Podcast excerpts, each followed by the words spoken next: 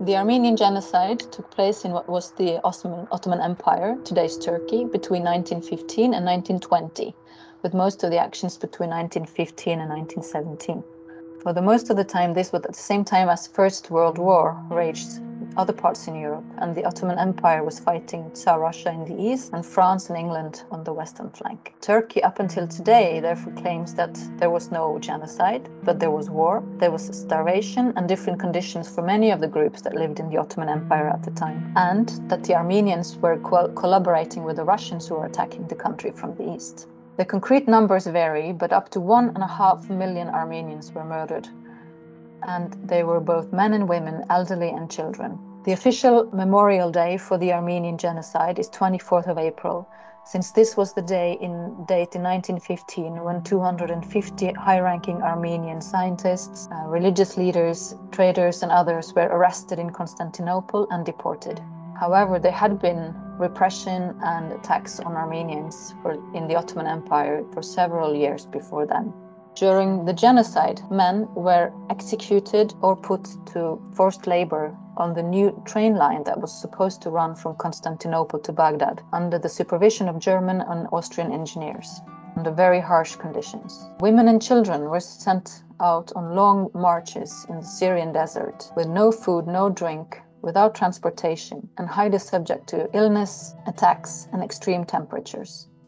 And an important part of forcing women and children to march for several days and months in the desert was of course to, of course to subject them to the extreme temperatures, to illness, to attacks, and to the starvation that would follow. But many of the women were also killed, tied up together and thrown out into the river, or locked up into caves where they died from the smoke from fires that the Turks lit at the entrance. Women were kidnapped and held as slaves or forcibly married to Muslims. Others took this choice reluctantly to marry a Muslim in order to save, save their children. There were also stories that mothers would sell their children for bread, not in the sense that they would eat the bread for themselves, but in the hope that the child would at least survive or get some food in another life when they were not in the caravan with their mothers. Many missionaries, diplomats, and engineers were present in the Ottoman Empire at this time, and there are several heartbreaking eyewitness descriptions, tele telegrams from the time, and other reports of what happened. Many of these saw the caravans with hundreds and thousands of women and children in very poor condition and tried to feed them, tried to prevent starvation and to give some aid to, to, the, to the women and children. But they were hindered by those guardians who were taking, who were following the caravans.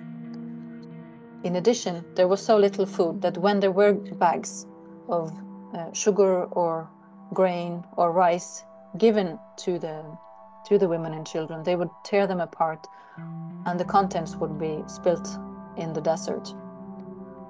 If they were to eat, they would also have trouble digesting it since they had already suffered starvation for so long that various illnesses and starvation issues would make it hard for them to eat what they were given. One of the most vivid legends about food in Armenia today is about the pomegranate. Pomegranate is a very central object for Armenian history and culture, and you will see several souvenirs depicting the pomegranate in Armenia today.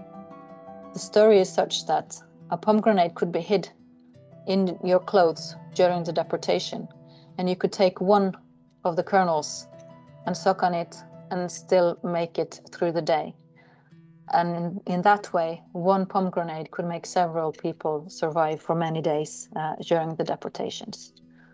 During and towards the end of the gen genocide, Norway's own Fridtjof Nansen played a central role in organizing escape for many Armenians by uh, creating the so-called Nansen passport. So they had papers in order to uh, escape and enter, enter other countries. Many millions of Armenians today live in the United States, in France, in South America, Russia, and the Middle East. Three million live in what is today's Armenia, at a territory which is much smaller than what used to be Armenia. On a clear day, you can see the Armenian holy mountain Ararat from Yerevan, a constant reminder of what they have lost. Very few dispute that several hundred thousand Armenians were deported and died, but Turkey still denies that it was a genocide. Turkey has a paragraph in the criminal code which makes it illegal to speak negatively about Turkey, paragraph 301. And it has been used several times against journalists, historians, and authors, and others who are trying to talk about what happened over 100 years ago. Turkey has no diplomatic contacts with Armenia, and they also execute hard pressure on countries that talk about the events as genocide.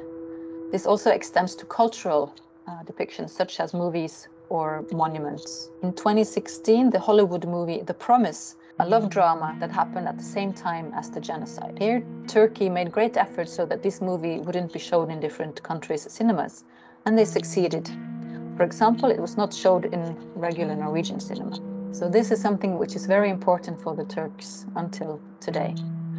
Almost 30 countries uh, talk about the genocide as a genocide. The official argument is that this is up to the historians to, de to decide, or that anyway it happened before the uh, Genocide Convention was in place in 1946, and therefore, uh, juridically, it's not a genocide. Here it could be added that Raphael Lemkin, who was the one who made the Genocide Convention, did it specifically because he reacted to the Armenian genocide. And also in this argumentation, Holocaust was also not a genocide. If you meet an Armenian in Armenia or anywhere else in the world, it's very likely that one of the first questions you will be asked is whether you have heard about the genocide and what you think about it. Recognition that it was in fact a genocide is important not only for the descendants and to prevent that any such atrocity happens again, but also to restore the feeling that you have not been forgotten and that you have not been ignored. As you know, one of the last steps of a genocide is the denial of it all.